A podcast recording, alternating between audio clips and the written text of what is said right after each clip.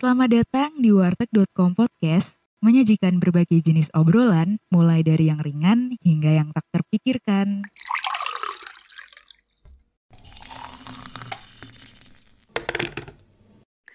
Oke, kali ini kita uh, mau membahas soal HI-HIan lagi tentang apa ya, tentang hubungan internasional. Tapi ini sebenarnya juga uh, isu-isu internasional yang banyak orang udah tahu gitu kan.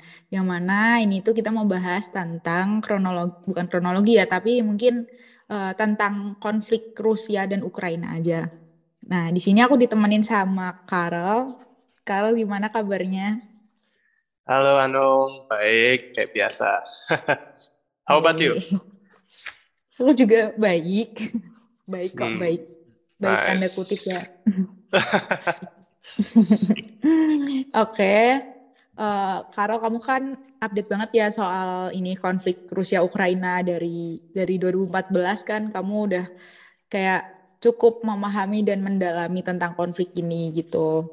Mungkin kamu bisa sharing Karo apa uh, kan ini yang uh, yang terbaru dulu deh apa yang uh, kejadian apa yang terjadi gitu. Oke oke oke.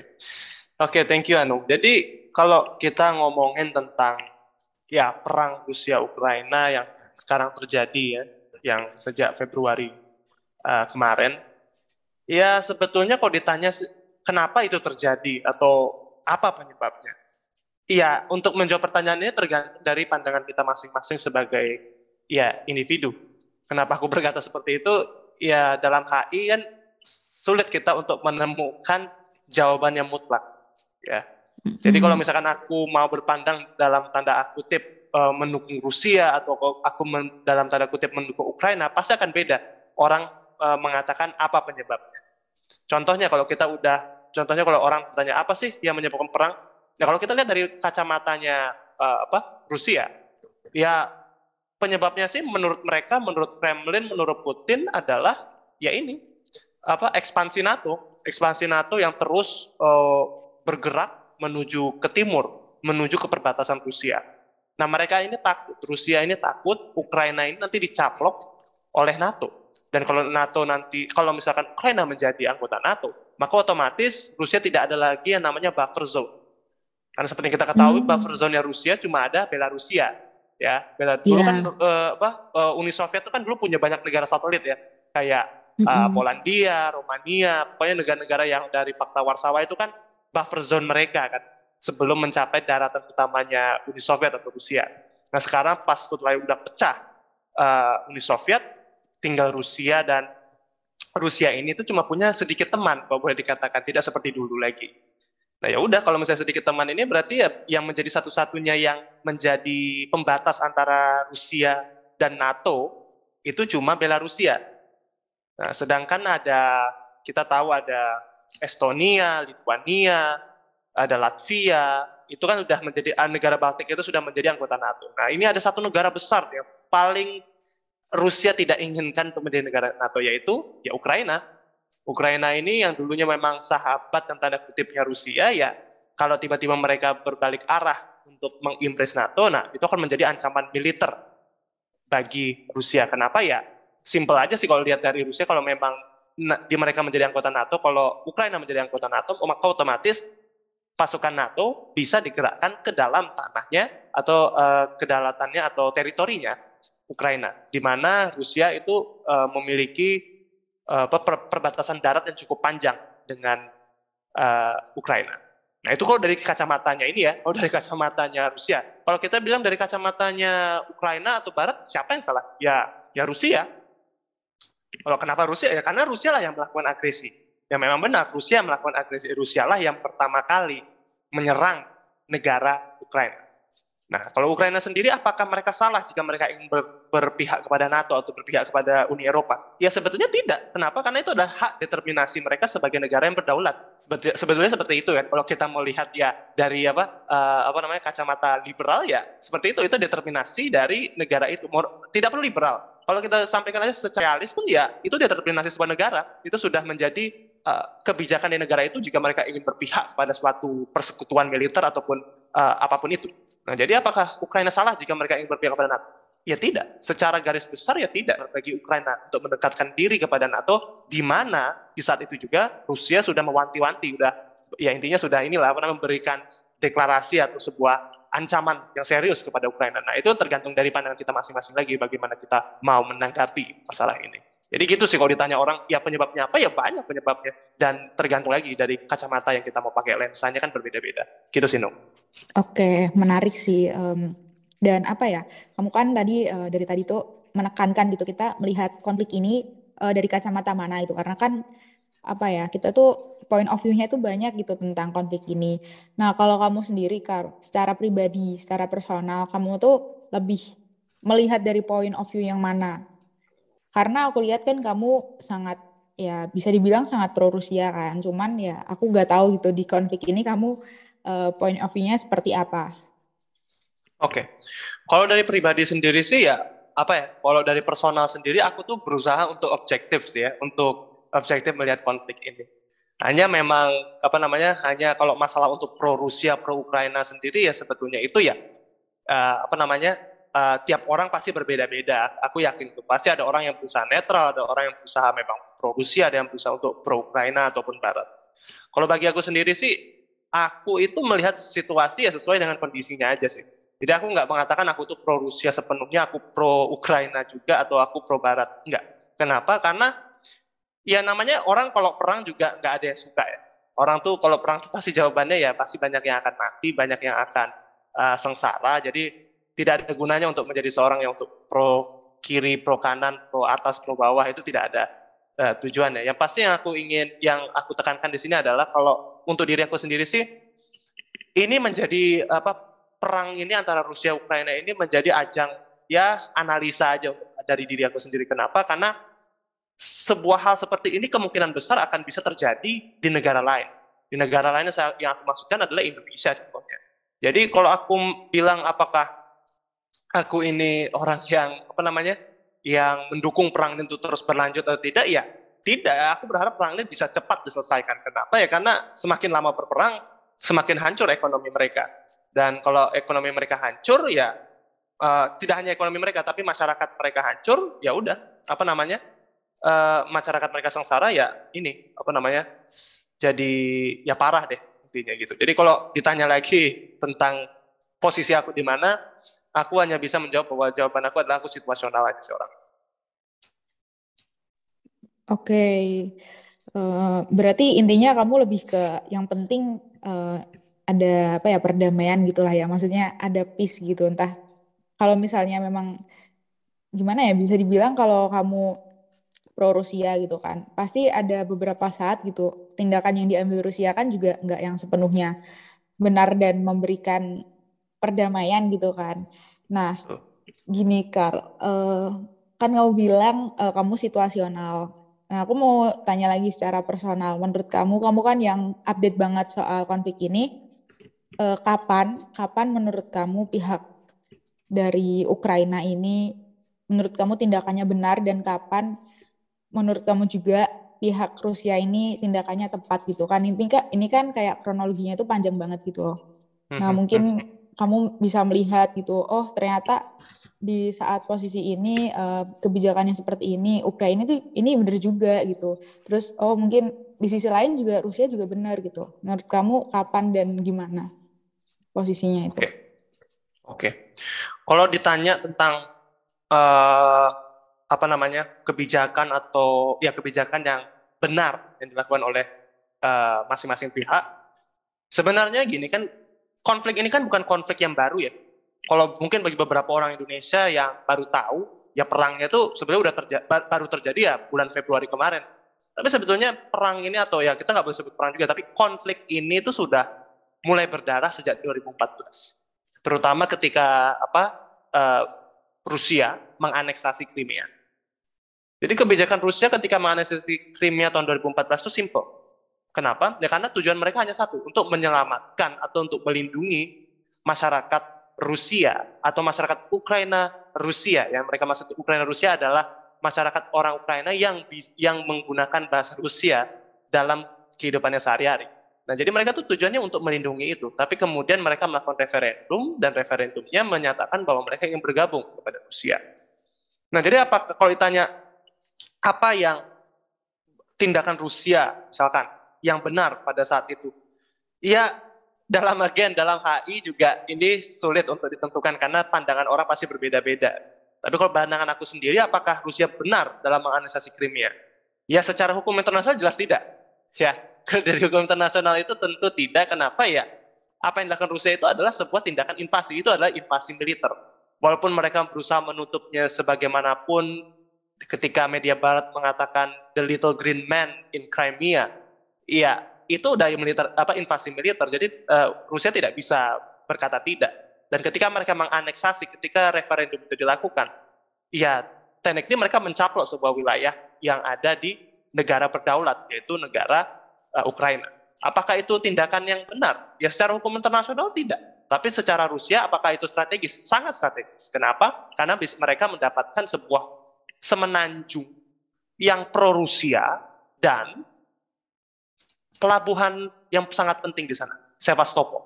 Pelabuhan yang sangat dibutuhkan angkatan uh, laut Rusia terutama untuk uh, armada laut hitam mereka.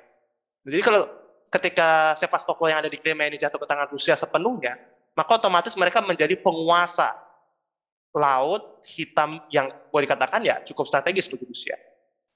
Terus eh, apakah ketika pemerintah Ukraina, nah sekarang kita ber, eh, kita sedikit berpindah ke Ukraina sekarang. Apakah ketika pemerintah Ukraina mau mengata, me, menggelar Euromaidan atau sebuah ya Euromaidan bagi yang tidak tahu apa itu Euromaidan Euromaidan itu semacam ya pergerakan pergerakan yang dilakukan oleh masyarakat uh, Ukraina yang terutama masyarakat Ukraina di wilayah barat yang ingin menggabungkan negara mereka dengan Uni Eropa atau mendekatkan diri ke Uni Eropa. Nah, apakah itu salah? Ya tidak. Kenapa? Karena ya kalau misalkan itu keinginan rakyatnya, itu keinginan negara sebagai ya boleh dikatakan as a whole dalam satu kesatuan yang nggak ada salahnya kalau mereka ingin mendekatkan kepada mendekatkan diri kepada Uni Eropa. Saat itu mereka masih Uni Eropa, mereka nggak terlalu apa ya nggak terlalu gencar mau ke NATO, tapi mereka mendekat ingin sangat ingin mendekat ke Uni Eropa ketimbang Rusia. Nah, apakah itu langkah yang strategis?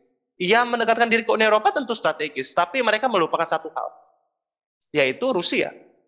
Rusia ini memang sebetulnya itu ya gimana ya hubungan mereka tuh sangat dekat karena mereka tuh adalah mantan. Boleh dikatakan ya itu mereka tuh adalah sebuah mantan uh, jadi intinya relasi itu ya seperti uh, mantan ya. Jadi kalau yang orang udah pacaran ngerti lah ya kalau masalah mantan itu gimana. Jadi sebenarnya Ukraina ini sama Rusia dulu tuh akur lah kalau boleh dikatakan dan tanda kutip akur. Tapi setelah perpecahan Uni Soviet mereka itu semakin uh, semakin tahun atau beberapa tahun setelah perpisahan mereka dengan Uni Soviet tahun 1990-an itu dan memerdekakan diri. Itu mereka itu semakin menjauh dari Rusia menjauh dari sphere of influence-nya Rusia. Nah ketika presiden Yanukovych uh, terpilih yang pro Rusia nah itu Ukraina itu mencoba membangun kembali relasinya mereka dengan Rusia. Nah ini adalah kebijakan yang boleh dikatakan cukup bagus. Kenapa? Karena uh, otomatis Rusia tidak berambisi untuk mengintervensi wilayah Ukraina ataupun bagaimanapun itu juga. Kenapa? Karena Rusia menganggap bahwa ya Ukraina teman-teman saya kenapa saya harus uh, bertindak terlalu gimana-gimana terhadap Ukraina kan?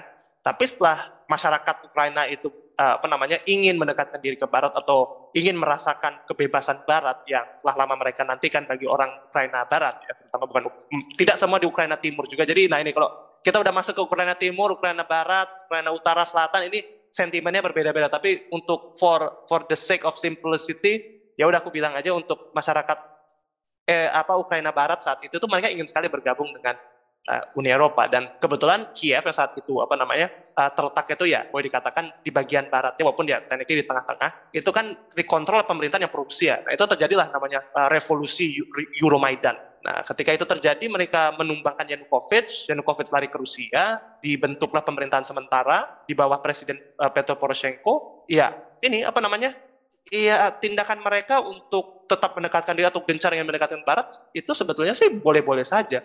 Hanya mereka itu tidak apa ya merasa sangat yakin bahwa Rusia tidak akan mungkin melakukan agresi militer terhadap uh, Ukraina. Jadi apakah itu tindakan yang benar? Kalau aku bilang sih untuk menekankan diri ke Uni Eropa ada tindakan yang tidak masalah, tindakan yang benar kalau boleh dikatakan. Kenapa? Karena kalau masalah ekonomi tentu Uni Eropa yang jauh lebih maju ketimbang Rusia. Tapi kalau masalah militer, nah ini ketika mereka berusaha mendekatkan Uni Eropa, ada satu pihak yang juga ingin ikut campur. Maksudnya ikut campur sih, ingin ikut menarik hati Ukraina, yaitu NATO. Nah, kalau dikata NATO ikut campur ya udah, apa namanya Rusia. Nah, di situlah ketika Rusia apa NATO udah bersuara, Rusia juga ikut bersuara.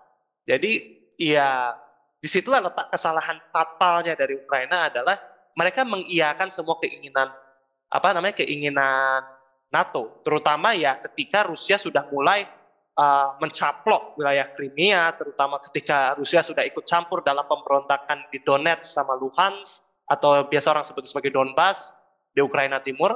Nah, itu semua situasi sudah mulai kacau balau sih. Nah, itu sih. Jadi kalau ditanya apa ya? Kalau ditanya uh, kebijakan uh, kebijakan yang benar, kebijakan yang salah ya itu tergantung perspektif masing-masing. Tapi kalau bagi aku sendiri kalau aku persempit ya, apakah tindakan Rusia menyerang Ukraina sekarang itu adalah benar atau tidak? Ya salah. Tapi ketika menurut aku apakah Rusia menganeksasi Crimea tahun 2014 itu benar atau salah? secara strategis itu benar. Kenapa? Karena mereka bisa mendapatkan uh, kontrol penuh atas laut hitam. Tapi efeknya adalah ya hubungan mereka dengan Barat semakin hancur, ekonomi melemah dan apa namanya?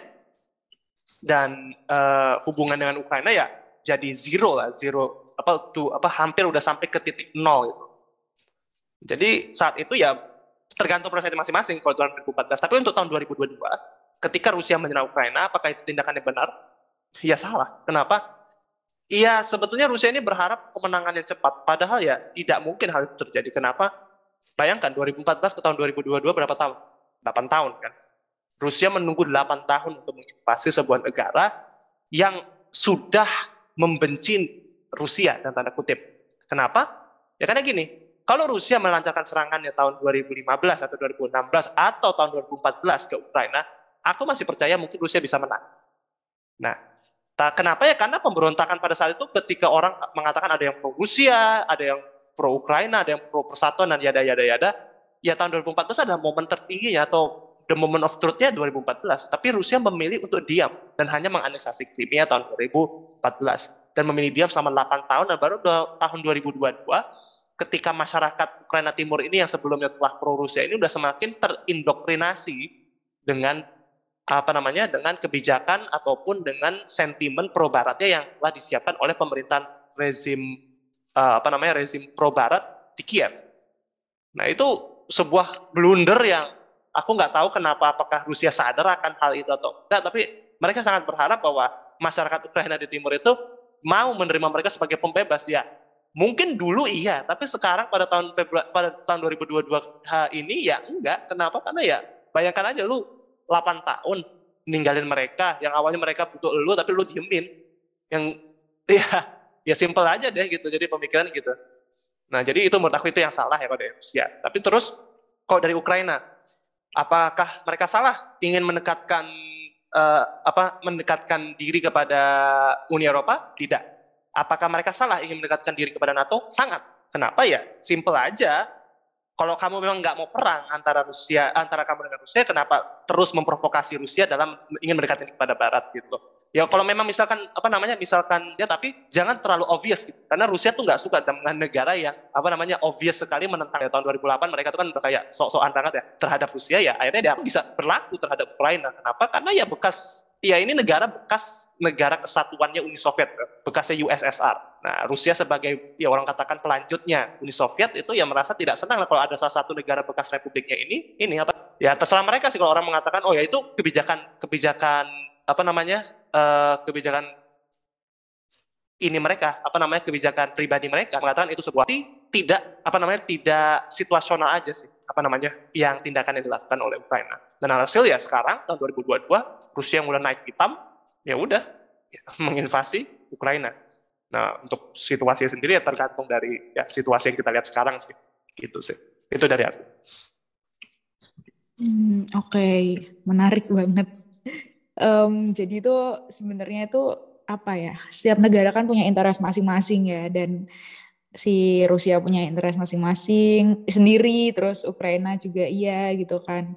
Tapi uh, apa ya bisa dibilang uh, kalau misalnya kita di pihak Rusia gitu kan, kita melihat aneksasi Crimea itu kan ya apa ya ini Rusia ini mau cari ulah gitu kan. Tapi hmm. kalau misalnya uh, kita ada di pihak Rusia, ini tuh sangat menguntungkan karena kan bisa apa ya bisa dapat semenanjung apa semenanjung apa Crimea, Crimea. Yeah. terus bisa menguasai laut hitam gitu kan tapi masalahnya kan nggak semua kepentingannya suatu negara itu bisa apa ya memberikan situasi atau kondisi yang stabil juga di negara lain gitu kan apalagi ini uh, ininya apa nih konteksnya itu kan uh, ekspansi eh ekspansi ya uh, agak sulit gitu loh. Dan kalau kita lihat ininya kar update-nya di tahun 2022 kan rame banget ini malah jadi perang gitu kan.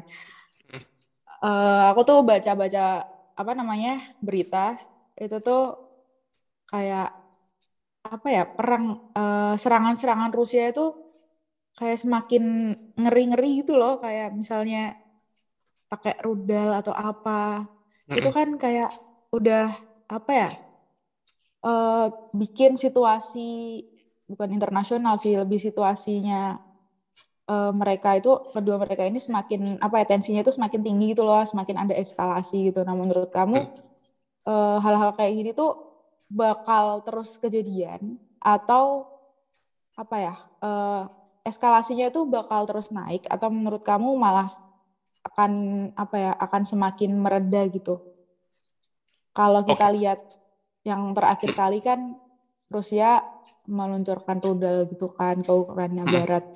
Nah, itu gimana menurut kamu? Oke. Okay. Jadi kalau ditanya tentang situasi ini sih ya boleh dikatakan sih apa ya?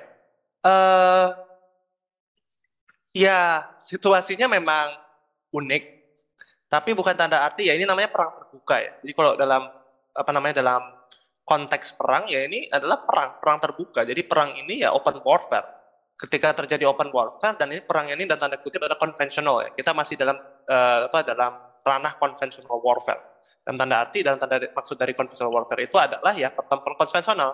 Pasukan menggunakan pasukan, misalnya dalam tanda arti menggunakan tank, menggunakan artileri, menggunakan pesawat tempur, menggunakan rudal dan yada-yada.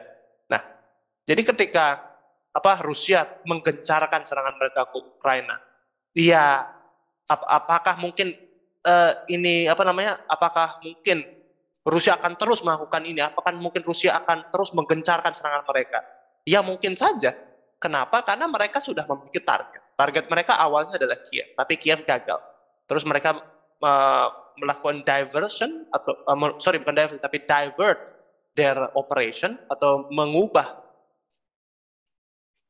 tujuan dari apa operasi militer mereka ke Donbas atau wilayah yang kita sebut dengan dua wilayah yaitu wilayah Donetsk dengan wilayah Luhansk. Luhansk sekarang sekarang sudah ini ya, Luhansk itu sekarang udah ah, boleh dikatakan 99% udah jatuh ke tangan Rusia. Nah, ini merupakan kemenangan besar di Rusia.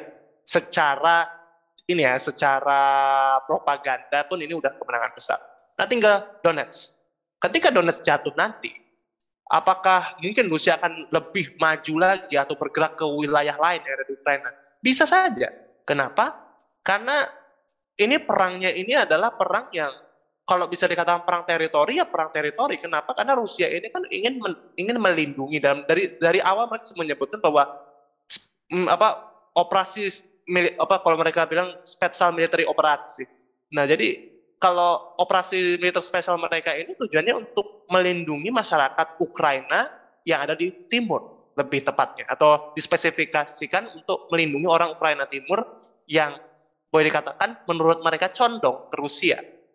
Nah, mungkin apakah mungkin mereka akan uh, bergerak maju lagi? Contohnya ke wilayah Zaporizhia, ke wilayah Sumi, ke wilayah Kharkiv. Ya, mungkin saja itu akan dilakukan oleh Rusia lagi. Kenapa? Karena uh, kalau mereka merasa Donbas belum cukup dan mereka masih memiliki kemampuan militer yang memadai, kenapa tidak? Gitu. Jadi eh, perang ini ya tetap akan tetap terjadi eskalasi. Jadi meskipun sudah banyak perbincangan ataupun dialog, perang tetap akan terus berlanjut pastinya. Kenapa? Karena tidak ada dialog ini, dialog perdamaian atau dialog gencatan senjata. Nah, masalah utamanya di sini adalah tidak adanya dialog gencatan senjata. Kenapa? Karena dialog ini itu udah boleh dikatakan udah out of date.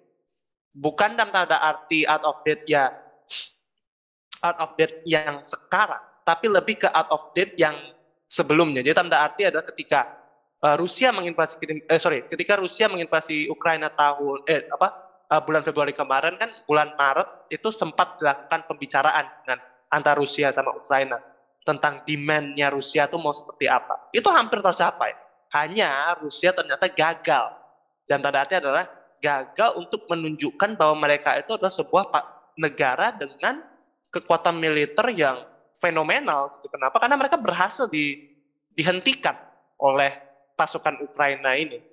Nah, ketika itu terjadi, akhirnya Ukraina yang awalnya takut pada Rusia, tak yang merasa kayak terpaksa untuk menerima permintaan uh, Rusia di awal, itu akhirnya secara bertahap ini menolak. Nah, akhirnya ketika Rusia meminta dan Ukraina terus menolak, ya udah pecah negosiasi ini. Dan sekarang menurut apa namanya? Menurut uh, Menteri Luar Negeri Rusia Sergei Lavrov kan bilang, ya sekarang bukan saatnya untuk bernegosiasi. Kenapa? Karena Rusia sudah mengatakan bahwa misi mereka adalah Donbas untuk sekarang. Untuk sekarang adalah Donbas. Jadi kalau misalkan nanti anggap aja dalam kurun waktu 5 sampai 6 bulan ke depan misalkan Donbas jatuh, apakah mungkin bisa akan ada gencatan senjata?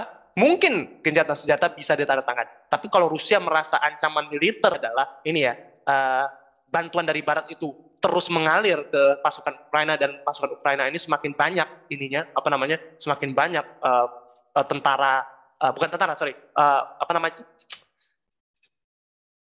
persenjataan dari Barat maka otomatis Rusia akan berusaha untuk tetap maju terus dalam konteks yang menghentikan supply ini supply persenjataan Barat yang telah lama mereka katakan jangan sampai ada senjata Barat masuk ataupun uh, militer atau tentara barat yang masuk ke Ukraina.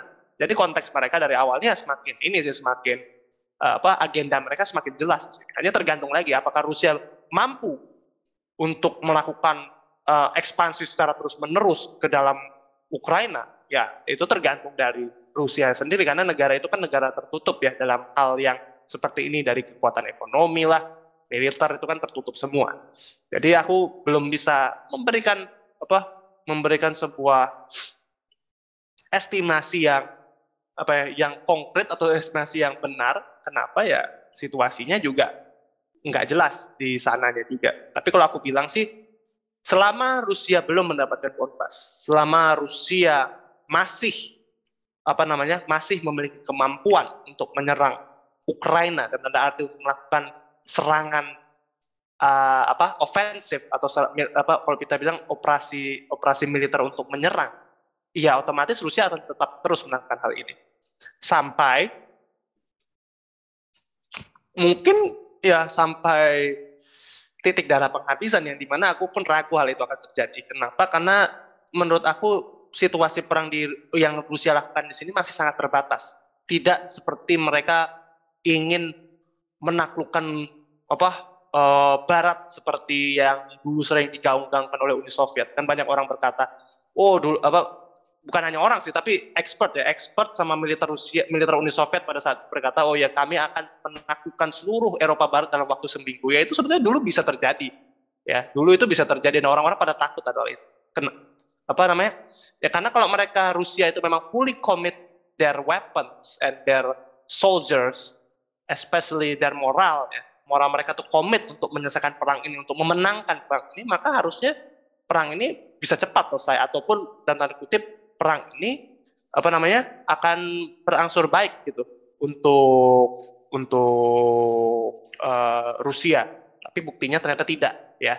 Kita udah tahu Rusia itu ternyata banyak masalah dan tanda arti ya masalah ini adalah aku gak usah membicarakan masalah domestik ya dan mana-mana tapi masalahnya ini adalah dari militernya sendiri. Dari strateginya sendiri pun sudah boleh dikatakan cukup usang sehingga menyebabkan apa banyak kekalahan yang tidak diperlukan, moral prajurit yang tidak ada itu sungguh. Ya suka boleh dikatakan orang yang dulunya apa namanya boleh dikatakan orang-orang yang dulunya apa menganggap bahwa Rusia ini adalah kekuatan militer yang eksepsional yang bisa menandingi kekuatan militer Amerika Serikat. Iya ternyata terbukti ini ya terbukti melempem ketika mereka menyerang Ukraina. Ratusan tank ditinggalkan puluhan kendaraan ditinggalkan ribuan tentara apa namanya ribuan tentara itu ini apa namanya mereka pada ribuan tentara pada ini, mereka pada apa namanya desert ya, desert tuh dan tanda arti mereka pada meninggalkan pos mereka lah, tidak mau berperang, enggan berperang. Nah kalau dari sini kan moralnya udah jelas ya. Jadi ya situasinya juga unik. Aku bayang yang seperti aku katakan di awal, situasi ini unik. Jadi ya untuk ke depannya yang pasti sih satu hal, Rusia akan menekan apa? Rusia akan terus berusaha untuk menekan uh, pasukan Ukraina yang ada di Ukraina Timur, lebih tepatnya di wilayah Donbas. Jadi Donetsk itu harus didapat, didapatkan oleh mereka sih, didapatkan oleh Rusia. Jadi setelah Donetsk mungkin mungkin perdamaian bisa tercapai, tapi sebelum Donetsk hanya satu hal yang bisa membuat Rusia uh, sepakat untuk apa namanya sepakat untuk uh, bernama yaitu adalah Putin. Kalau Putin mengatakan sudah cukup, ya udah cukup. Mereka akan berusaha negosiasi. Tapi tergantung lagi dari Ukrainanya apakah mereka mau uh, bernegosiasi dengan Rusia ketika uh, seperempat negara mereka itu diduduki oleh uh, apa namanya itu diduduki oleh uh, pasukan asing gitu. Nah itu tergantung dari Kiev ya sendiri, tergantung dari Presiden Volodymyr Zelensky-nya sendiri. Jadi apakah dia mau atau tidak ya tergantung dari kebijakan mereka. Nah, kalau aku sih bilang ya Ukraina tetap akan terus berperang sampai titik darah penghabisan. Kenapa ya Barat mendukung penuh dengan bantuan Barat, dengan bantuan senjata Barat ya nothing to lose for Ukraine. So it's time for them to fight the Russians and yeah kick them out from their country if they could. Ya, yeah, if they could. We'll see. Ya, kita lihat apakah bisa atau tidak. Hanya Tuhan yang tahu.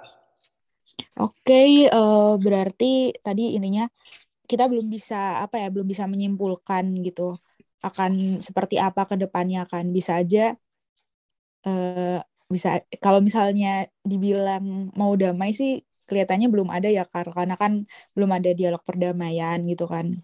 Dan hmm. Rusia juga belum berpikir ini adalah saatnya untuk bernegosiasi kan karena Rusia sendiri pun juga masih uh, ingin apa tadi ingin mengambil wilayah apa Donbas? Iya wilayah Donbas betul. Uh, Oke okay, wilayah Donbas. Nah di sisi lain Ukraina bakal terus melawan gitu kan karena dia didukung oleh Barat. Hmm. Nah dukungan dan gini kan kemarin sempat ini juga rame soal WW3 uh, eh, apa Perang Dunia Tiga ketiga. Oh iya. nah itu kan banyak dikaitkan gitu tentang ramenya konflik Rusia Ukraina hmm. ini katanya bakal Perang Dunia Ketiga gitu kan. Aku sendiri hmm. uh, orang yang berpikir rasional ya maksudnya kayak nggak mungkin gitu menurut aku uh, Perang Dunia Tiga itu segampang ini terjadi gitu kan. Ya mungkin bisa aja gitu kan melihat dulu perang dunia satu dan dua itu tersulut dari uh, konflik atau suatu konflik gitu kan. Tapi menurut aku untuk dunia yang seperti sekarang ini cukup apa ya bisa dibilang cukup sulit gitu terjadi perang dunia tiga gitu kan. Tapi ya kurang tahu sih. Tapi memang kan belum kejadian gitu sampai sekarang. Nah waktu awal-awal mau perang itu kan hmm, apa namanya gimana ya NATO itu bisa dibilang uh, Ukraina kan kayak bergantung agak bergantung ya secara militer ke NATO gitu pingin hmm. meminta bantuan gitu oh. tapi uh, kayaknya aku pernah baca atau apa gitu uh, NATO sendiri itu kayak kurang mendukung gitu ketika mau awal-awal perang 2022 dan hmm. banyak yang bilang kayak NATO itu kayak cuman gak ada action gitu cuman ngomong gitu kan dan menurut hmm. kamu misalnya misalnya uh, Rusia ini terus terus nyerang si Ukraina, apakah Barat itu bakal tetap mendukung gitu atau justru bakal ninggalin gitu kan? Kan mereka bisa dibilang kepentingannya di Ukraina itu apa gitu kan secara militer. Nah, akankah si Barat ini akan terus mendukung Ukraina sampai Ukraina bisa me, me, apa ya bisa counter attack ke Rusia atau gimana menurut kamu? Oke. Okay. Kalau menurut aku kalau dari NATO sendiri ya mereka pastinya berpikir strategis ya. Kalau NATO ya, kalau NATO itu kan mereka apa lingkungannya atau environmentnya itu cuma kepentingan Eropa, kepentingan keamanan Eropa. Jadi selama perang itu berkecamuk di daratan Eropa, mau itu daratan eh, mau itu di Eropa Timur, Utara, Selatan, Barat dan seterusnya, ya Ukraina yang, ter, yang terletak di Ukraina Timur, ya pasti Barat akan terus atau dan tanda arti di sini adalah Sinatko itu akan terus me, apa, menyuplai atau menyokong pasukan ini pasukan Ukraina. Ah, ditanya apakah mungkin mereka akan berhenti menyokong uh, Ukraina Iya sebenarnya sih tergantung ya. Tergantung dalam arti iya situasi ini tuh kan apa ya? Situasi ini tuh boleh dikatakan situasi uh, yang pertempuran ya pertempurannya pun juga pertempuran yang cukup dinamis ya. Pertempuran namanya juga perang-perang itu semua dinamis sih. Tapi intinya gini, kalau misalkan NATO tetap menyuplai, tetap memberikan bantuan kepada uh, Ukraina, apakah mungkin Ukraina bisa menang melawan uh, Rusia? Ya belum tentu. Misalkan NATO mengirim seribu tank apa anggap nggak sampai seribu lah anggap ya karena NATO kan juga terbatas tank mereka ya. Jadi kita anggap lah mereka mengirim 100 tank aja ke Ukraina. Apakah bisa mengubah uh, arah perang? Ya belum tentu. Mereka mengirim jet tempur belum tentu. Nah sekarang kan mereka fokusnya mengirim artileri ya, artileri jarak jauh ya. Contohnya kayak HIMARS dari Amerika itu roket yang apa roket berkemampuan apa uh, precision ya precision roket itu bagus banget sih aku I have to say it's very it's very good tapi apakah itu cukup untuk menghentikan Rusia menyakiti Rusia mungkin. Menyakiti tanda arti adalah menyakiti more, menyakiti pergerakan pasukan mereka atau menyakiti logistik mereka itu mungkin. Tapi apakah itu bisa menghentikan Rusia? Belum tentu. It will never stop Russia. Kenapa? Ya Rusia ini kan bodikat ya negara yang bisa memproduksi persenjataannya sendiri. Dan walaupun benar aku tidak tidak menyangkal bahwa Rusia itu juga menggunakan teknologi barat atau komponen dari apa komponen yang diproduksi oleh perusahaan barat untuk persenjataan mereka atau alutsista mereka tapi dalam tanda arti Rusia akan beradaptasi ya. semua negara yang memang mandiri industri pertahanannya pasti akan uh, beradaptasi kalau misalkan uh, perang terjadi. Kenapa? Ya karena mereka harus bisa mempertahankan supply chain-nya itu, supply chain untuk mengantisipasi uh, kelangkaan komponen dan lain-lainnya. Jadi kalau Rusia itu pasti otomatis mereka berusaha untuk sepintar-pintarnya mereka, mereka akan berusaha untuk tetap memproduksi persenjataan yang di mana akan mengalahkan Ukraina dalam dalam tanda kutip adalah mengalahkan ini adalah jumlah jumlah yang dimiliki Ukraina. Jadi Ukraina sekarang ya mereka punya tank ya punya punya tank. Punya apa namanya punya pesawat ya punya pesawat punya helikopter ya punya. Tapi kan mayoritas atau boleh dikatakan hampir eh, banyak dari persenjataan mereka ini udah hancur eh, ketika Rusia menyerang pertama kali itu pertama pada bulan apa pada Februari 24 itu 24 Februari waktu itu eh, 24 Februari kemarin. Itu kan banyak persenjataan mereka yang udah hancur dan kalau udah hancur itu ya otomatis nggak bisa digunakan kan. Tapi sekarang Barat udah mulai menyokong nih persenjataannya mau itu tank. Tank pun ya tank yang bisa digunakan oleh tentara Ukraina. Dan tanda arti ada tank yang apa uh, tank uh, buatan Uni Soviet atau bekas Uni Soviet yang masih dimiliki oleh beberapa negara di Eropa Timur. Seperti kayak Polandia, Ceko, uh, tapi Rumania sih enggak ya kalau nggak salah tuh ya. Yang paling yang paling banyak sih ngirim tank itu cek uh, sorry uh, Poland. Polandia tuh kalau nggak salah ngirim hampir 100 lebih tank T72 M1 yang memang mereka apa namanya mereka produksi. Dan tank itu bukan produksi sih lebih dalam tanda arti mereka apa ya mereka retrofit namanya kalau di dalam sebut itunya. Retrofit dan tadi telah di ini ya telah di apa di upgrade untuk ke kondisi yang uh, baik. Nah, tank itu kebetulan bisa digunakan tentara Ukraina. Kenapa ya? Karena tidak jauh berbeda dengan tank yang mereka gunakan. Karena ini kan tank Soviet.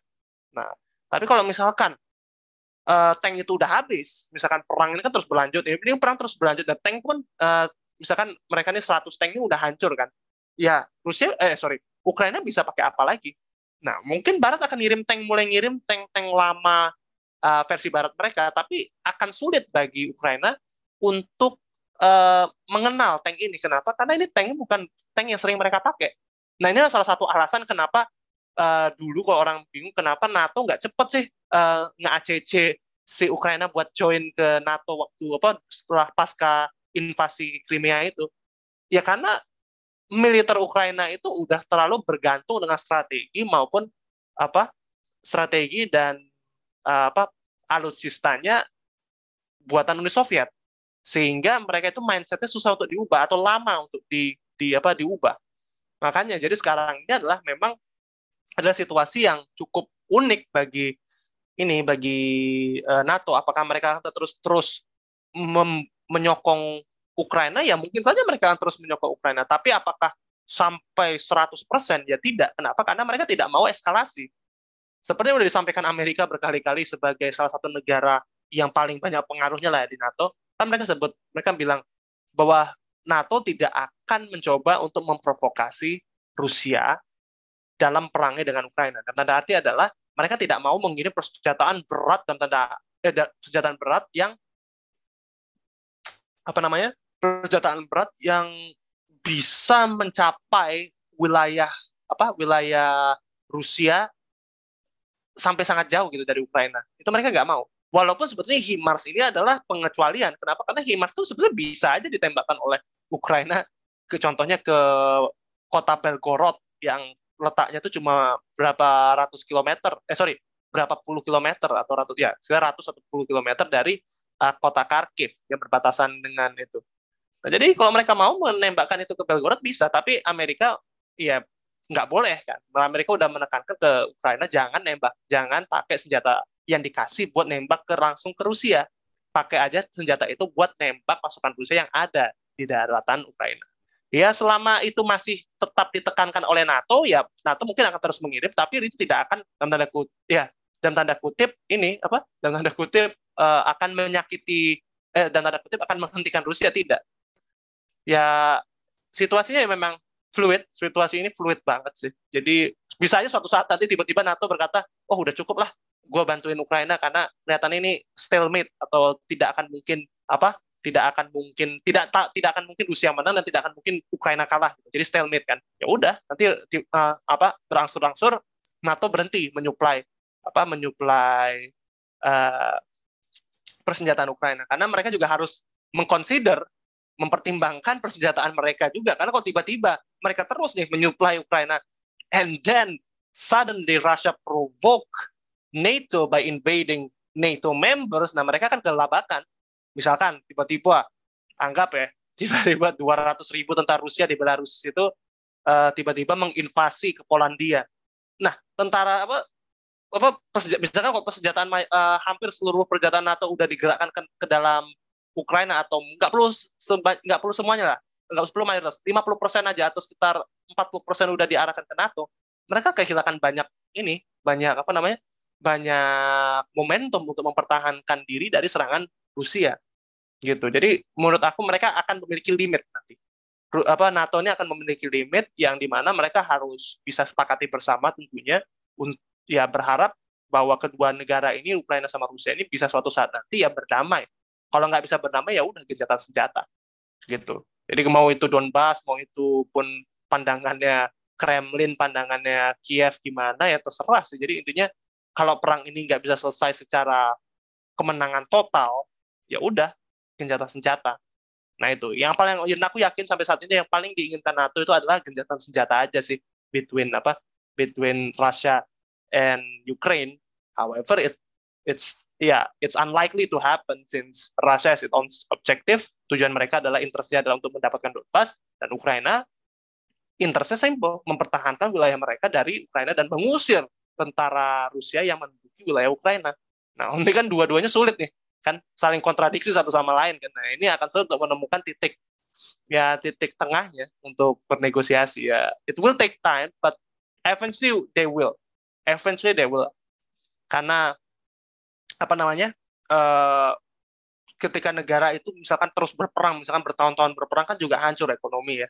Kecuali ekonominya udah di udah diubah 180 derajat ke ekonomi perang yang di mana Rusia belum dan aku nggak yakin Rusia bisa melakukannya itu lagi. Kalau dulu waktu zaman Soviet mungkin bisa, tapi zaman sekarang itu udah unlikely to happen for Russian ini ya Russian industries gitu. Jadi apa namanya ya it it will take time sih. Jadi NATO juga akan melihat situasi juga dan tentunya juga siapa tahu who knows suddenly ketika dunia semua berfokus pada Ukraina, someone in the east, I'm trying to say is someone for example like China start start to starting to prepare ya yeah, to invade other country which is Taiwan.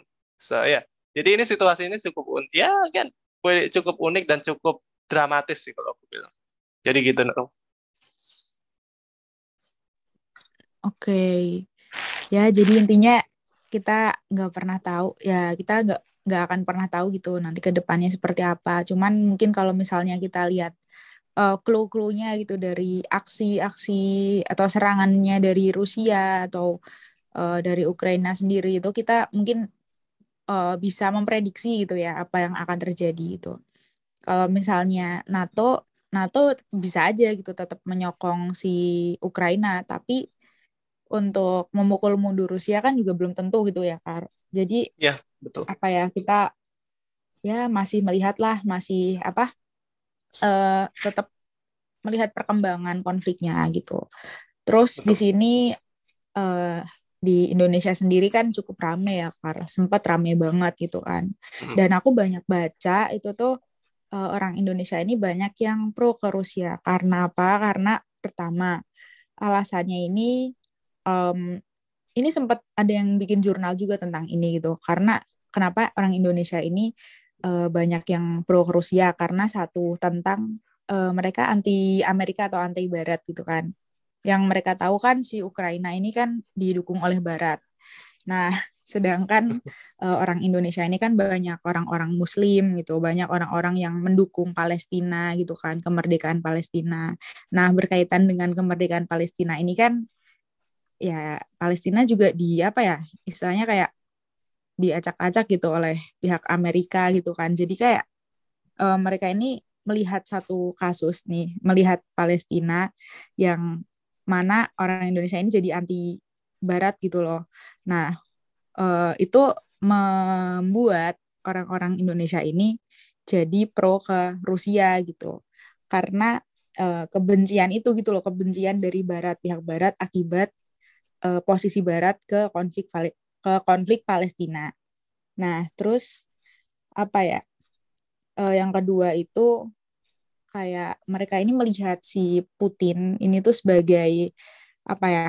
Uh, ima, uh, pemimpin yang kuat banget gitu loh kayak pemimpin yang cocok buat apa ya memenangkan memimpin kemenangan perang gitu loh kayak jadinya uh, orang-orang yang punya bukan kekuatan sih tapi kayak orang-orang kayak Putin ini maksudnya karakteristik Putin ini tuh seakan-akan kayak uh, pasti Rusia yang menang gitu loh karena pemimpinnya Putin gitu paham kan? Nah itu aku pernah baca dari jur, uh, artikel apa gitu. Pokoknya uh, intinya kalau nggak salah judulnya itu Why Do So Many Indonesian Back Russia's Invention of Ukraine? Jadi itu tuh kayak uh, apa ya uh, gimana ya? Maksudnya dibilang aneh sih enggak. Cuman mungkin ya karena mungkin mayoritas pemikirannya uh, agak jauh gitu mengkaitkannya ke sampai ke konflik Palestina sampai ke lain sebagainya gitu. Nah menurut kamu uh, pemikiran kayak gini gimana Far? Cocok atau enggak gitu? Hmm uh, iya Kalau kita ngomongin Indonesia, ngomongin tentang bagaimana orang Indonesia berpikir, well, it's not, it's, I'm not saying it's complicated, but gini, kalau ditanya, anggaplah kamu nanya sekitar 50 orang sebelum perang Rusia sama Ukraina. Kalau ditanya dari 50 orang itu, mereka lebih lebih tahu Rusia atau lebih tahu Ukraina? Kalau ditanya, eh kamu tahu Rusia nggak?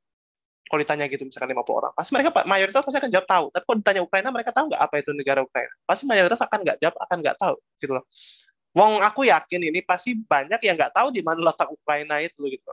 Mungkin Rusia kenapa Rusia banyak orang Indonesia mendukung Rusia karena sebetulnya ya Rusia ini kan sudah panjang ya perjalanan hubungan kita dengan Rusia itu sudah panjang dan kita sejak apa awal kemerdekaan itu dibantu oleh Rusia. Kita demodernisasi militernya oleh uh, Uni Soviet saat itu ya. Bukan Rusia tapi Uni Soviet saat itu. Jadi kayak iya ketika apa namanya ketika Uni Soviet runtuh dan digantikan oleh Rusia orang Indonesia menganggap bahwa ya Rusia ini adalah pelanjut dari Uni Soviet. Orang Rusia ini adalah orang Rusia ini adalah negara yang uh, superpower gitu loh jadi ya namanya juga orang Indonesia, orang Indonesia suka suka dengan kekuatan. Kita memang punya fetis, aku bisa kita punya fetis dengan namanya uh, kekuatan yang maskulin. Kita punya fetis terhadap hal itu. Jadi uh, kekuatan kekuatan yang maskulin ini ditunjukkan oleh Presiden Vladimir Putin, Presiden Rusia Vladimir Putin, dan ditunjukkan juga oleh tentara-tentara Rusia yang oh ya sering kita tahu sering tampil dalam apa oh, parade militer mereka, yang apa namanya yang begitu megah. Jadi kalau ketika orang Indonesia itu wah kok mirip dengan Indonesia yang tentara-tentaranya gagah, yang tentara-tentaranya itu apa rapi-rapi, yang hebat-hebat. Jadi kita tuh merasa kayak apa namanya kita tuh memiliki kesamaan gitu lah, memiliki kesamaan dengan Rusia. Jadi apakah uh, mindset ini salah? Ya sebetulnya ya memang budaya kita yang apa memiliki similarity secara tidak langsung dengan Rusia. Nah, kalau untuk Ukraina sendiri apakah mereka merasa apa merasa apa ya kalau boleh dikatakan uh, terjauhi atau dijauhi oleh Indonesia. Ya karena mereka bisa dikatakan gagal bisa gagal tanda arti meyakinkan keberadaan negara mereka di masa di kalangan masyarakat Indonesia gitu loh.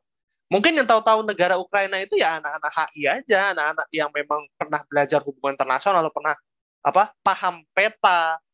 Tapi kalau bagi orang Indonesia yang apa namanya yang lulusan SMA tapi dia nggak mau apa nggak mau cuma tahu negara-negara tertentu kayak negara Barat Amerika, habis itu uh, China, and then apa namanya uh, Rusia, ya Ukraina akan termakan. Jadi mungkin ada masih aku yakin di Indonesia ini masih ada yang anggap bahwa Rusia itu masih Uni Soviet gitu loh.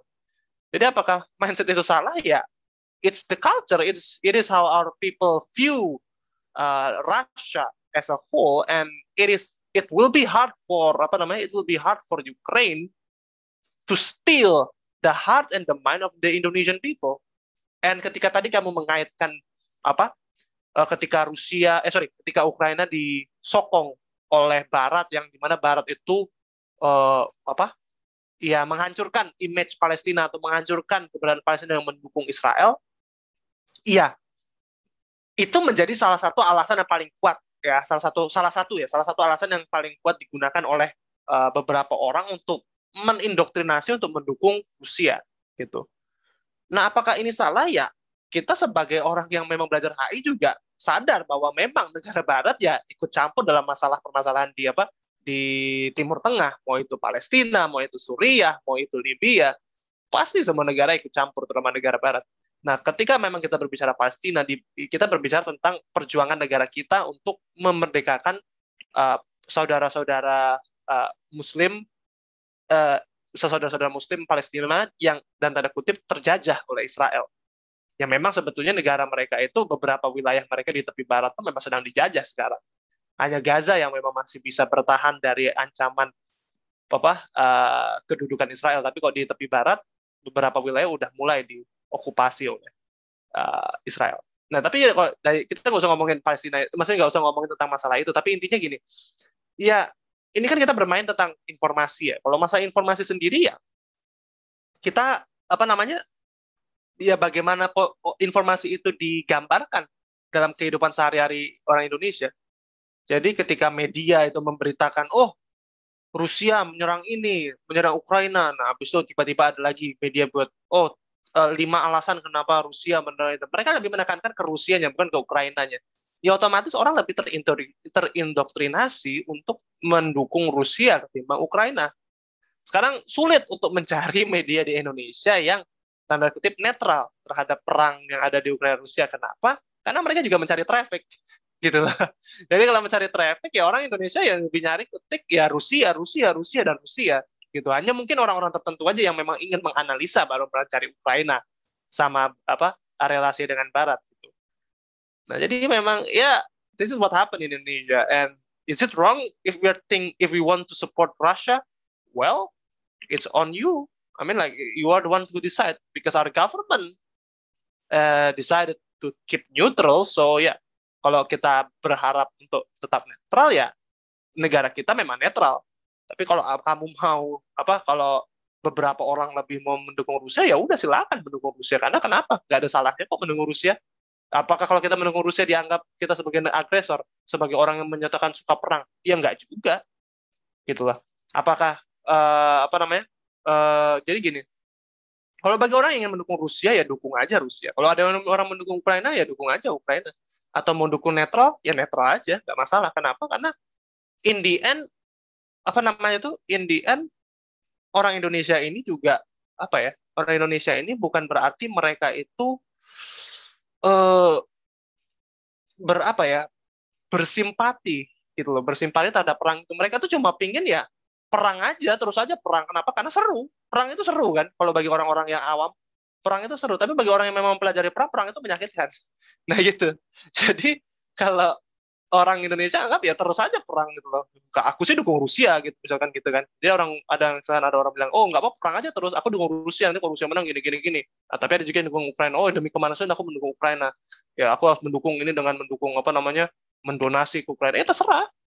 Ya terserah kenapa? Karena Indian ini hanya ajang ini aja cari sensasi aja sih di Indonesia karena pemerintah kita juga ini pemerintah kita itu uh, lebih memilih untuk tidak terlalu ikut campur karena kepentingan kita terhadap perang di Rusia sama Ukraina boleh dikatakan jauh. Padahal sebetulnya menurut aku tidak. Kita harusnya lebih bisa mendamaikan ataupun ikut campur, bukan ikut campur sih, lebih kayak memediasi, memediasi Rusia sama Ukraina. Kenapa? Karena negara kita sebetulnya tuh dekat sama Ukraina dengan Rusia. Kita sudah bisa menjem, apa, memberikan jembatan kepada Rusia dan Ukraina. Kenapa? Karena kita negara ini dua negara apa kita sebagai negara Indonesia. Ini yang udah netral lah. Yang kalau sebut kita tuh netral. Itu bisa lah membawa Rusia sama Ukraina itu untuk duduk di satu tempat gitu loh. Ya contohnya kemarin kan udah mau katanya mau untuk G20 gitu kan. Sebagai salah satu platform buat membicarakan perang apa Rusia sama Ukraina ini. Putin katakan dia bilang dia mau datang. Tapi Presiden Zelensky bilang selama perang masih berlangsung kemungkinan besar dia tidak bisa ikut ya harusnya selain G20 Indonesia harusnya bisa membawa mereka untuk duduk di tempat yang netral. Contohnya aja kayak uh, apa namanya Turki gitu. Nggak usah jauh-jauh karena Turki udah sering kan tempat netral untuk pembicaraan Rusia sama Ukraina. Gitu. Jadi kita bisa aja minta Turki uh, menyediakan tempat tapi kita yang menjadi mediator kenapa? Karena kita tuh nggak ada afiliasi ke Barat kita nggak ada afiliasi ke Rusia gitu jadi kayak Rusia percaya sama kita Ukraina bisa percaya sama kita gitu. Hanya again negara kita memilih untuk ya diem aja. Dan tanda arti ya kita bersimpati dan kita mengecam segala bentuk perang yang ada di dunia ini tanpa menspesifikan perang apa itu. ya, yeah, you know, you remember kan ketika hal itu terjadi kan. So, yeah, that thing is quite uh, quite strange to happen, but it happened. Ya, yeah, that's why. Jadi, apakah salah ketika rakyatnya seperti ini? Ya tidak. Ketika negaranya aja tidak bisa mengarahkan mau ke mana, ya ini masyarakatnya juga akan berusaha mengarahkan dirinya mereka sendiri gitu loh. Jatuhnya gitu. Jadi, apakah ini sebuah fenomena yang apa fenomena yang akan menjadi cemooh negara lain ya tidak. Mungkin yang dicemooh nanti pemerintahannya sih bukan masyarakat ya. Kenapa? Karena masyarakatnya bebas untuk berpikir, apa berpikir seperti apa. Karena kan kita negara demokrasi bukan negara yang apa yang harus yakin terhadap satu pandangan itu tidak. Gitu sih. Itu sih jawaban aku.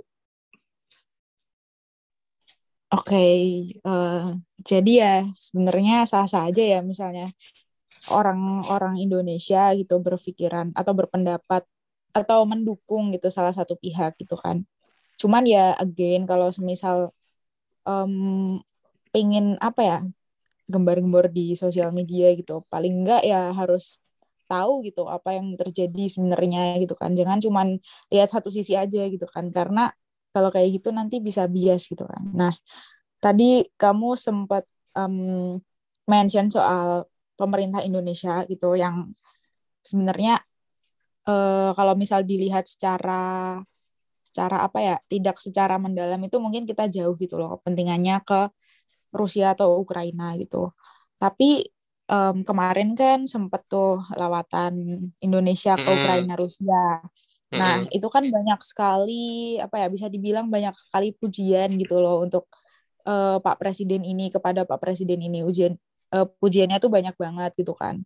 Mereka tuh banyak yang bilang, oh uh, ternyata Presiden Jokowi ini juga apa ya uh, melakukan kunjungan ini untuk memberikan uh, semangat semangat perdamaian gitu kan. Tapi kalau aku lihat ya secara secara apa ya, secara spesifik gitu sebenarnya kepentingannya Bapak Jokowi sendiri itu gak cuman kayak gitu gitu loh, bukan menurut aku sih malah bukan soal biar Ukraina sama Rusianya ini damai, tapi menurut aku lebih ke apa ya untuk upaya-upaya domestik gitu loh biar ya misalnya biar gak ada krisis pangan gitu kan karena kan kita tuh ketergantungan banget kan sama supply-supply pangan baik yang ada di Ukraina gitu kan kayak apa ya gandum kali ya kayaknya kalau nggak salah hmm. tuh Indonesia itu ketergantungan sama gandumnya Ukraina. Nah, terus kayak misalnya masalah um, urusan G20. Nah, itu kan Indonesia kan perlu banget kan dijaga gitu kan. Dia kan uh, pengen di G20 itu tuh punya citra yang baik gitu loh dengan cara apa ya kayak seakan-akan punya spirit perdamaian buat Ukraina sama Rusia gitu.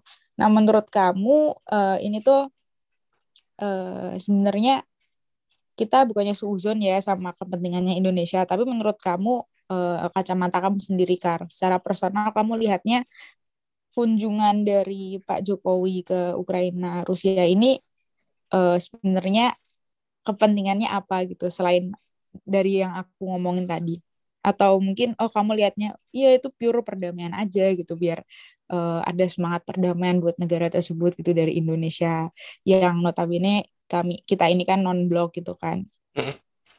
Alright, jadi kalau misalkan apa namanya uh, terkait perjalanan Pak Jokowi ke apa namanya ke Ukraina dan Rusia, first thing first we have to appreciate the apa his boldness ya.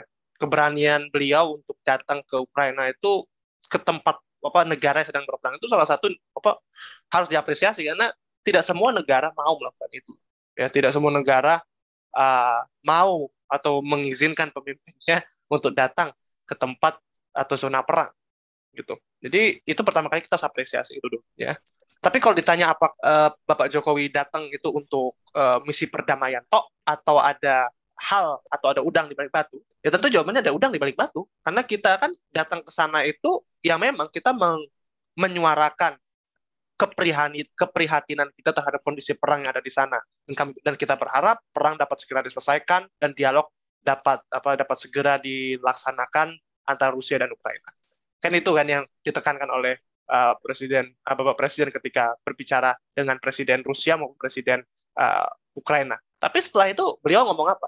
Setelah itu beliau uh, fokus bicara tentang kerjasama antara Rusia eh sorry antara Indonesia dengan Ukraina maupun Indonesia dengan uh, Rusia. Beliau ke sana ke, uh, ke dua negara ini memiliki agenda lain juga. Dan apakah itu bermasalah? Ya sebetulnya tidak masalah kalau ingin membicarakan yang lain karena kan memang itu hak prerogatif presiden dan kita sebagai negara yang berdaulat pun juga punya interest kita membicarakan tentang kondisi pangan, kondisi apa? kondisi minyak yang harganya terus melambung, Iya, itu tentunya juga akan apa namanya? Tentunya itu adalah salah satu keprihatinan yang ditunjukkan oleh Bapak Presiden. Jadi, iya itu adalah salah satu cara juga yang bisa di apa yang dilakukan oleh Presiden untuk eh, yang dijelaskan oleh Bapak Jokowi untuk ya setidaknya orang tidak hanya mereka saja. Tapi apakah itu cukup untuk mendamaikan Rusia dan Ukraina? Ya jelas tidak, gitu. Ya jelas sangat tidak mungkin gitu. Kenapa ya perdamaian jelas tidak? Kenapa? Karena uh, Presiden Jokowi di sana cuma menyuarakan kepentingan, eh sorry, menyuarakan ke, ke menyuarakan keinginannya untuk eh, agar Rusia sama Ukraina ini berdamai gitu loh. Nah, apakah uh, Presiden Jokowi ini memberikan rundown atau sebuah apa uh, sebuah rencana atau sebuah agenda bagaimana Rusia sama Ukraina Ukraina ini dapat berdamai? Nah, itu pertanyaan besarnya. Apakah ada? Apakah ada Bapak Presiden menyiapkan sebuah strategi khusus yang bisa diimplementasi oleh baik oleh Rusia maupun Ukraina supaya bisa mendamaikan satu sama lain. Nah mungkin kalau dibicarakan yang tanda kutip adalah pembicaraan uh, backdoor diplomasi terkait hal ini mungkin saja bisa terjadi. Tapi yang kita lihat kan, yang kita lihat dari media itu tidak apa mengulas berita itu ya negara ini jadi tanpa menyiapkan sebuah uh, ide yang bisa digunakan untuk mendamaikan Rusia dan Ukraina ini gitu. Jadi kalau orang bilang apakah uh, Bapak Presiden Jokowi itu adalah seorang peacemaker, ya we'll see. Kenapa? Karena sampai sekarang perangnya masih berlanjut dan tidak ada dan menurut aku ya sampai saat uh, apa ya pergi dari Indonesia yang ini gitu loh.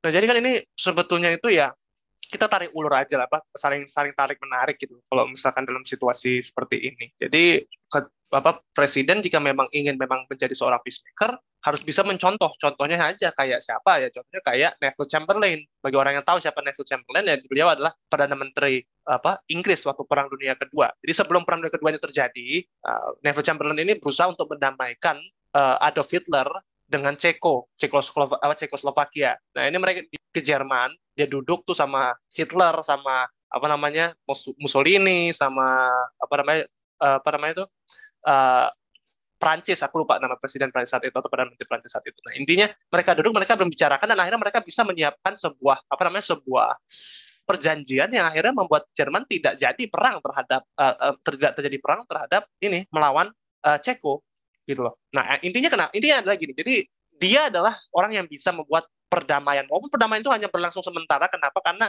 iya perdamaian itu terjadi tahun apa uh, usaha ini dilakukan pada tahun 1937 tapi perang tiba-tiba terjadi tahun 1939 ya bisa lah mempertahankan waktu perdamaian selama dua tahun kan setidaknya nah tapi kalau ini kan uh, kalau misalkan kita jadi intinya nggak perlu berusaha untuk gimana gimana. Jadi intinya adalah kita tuh kalau memang misalkan ingin datang untuk mendamaikan perang kita harus menyiapkan sebuah apa mapnya seperti apa gitu. kita harus menyiapkan strateginya tuh seperti apa. Kita juga jangan hanya menyuarakan. Kita tidak boleh cuma hanya menyuarakan tapi kita harus memberikan strategi bisa menyiapkan. Kita Rusia dan Ukraina ini mau duduk bareng terus kenapa ya? Karena again kita memiliki hubungan yang baik dengan kedua negara. Itu satu.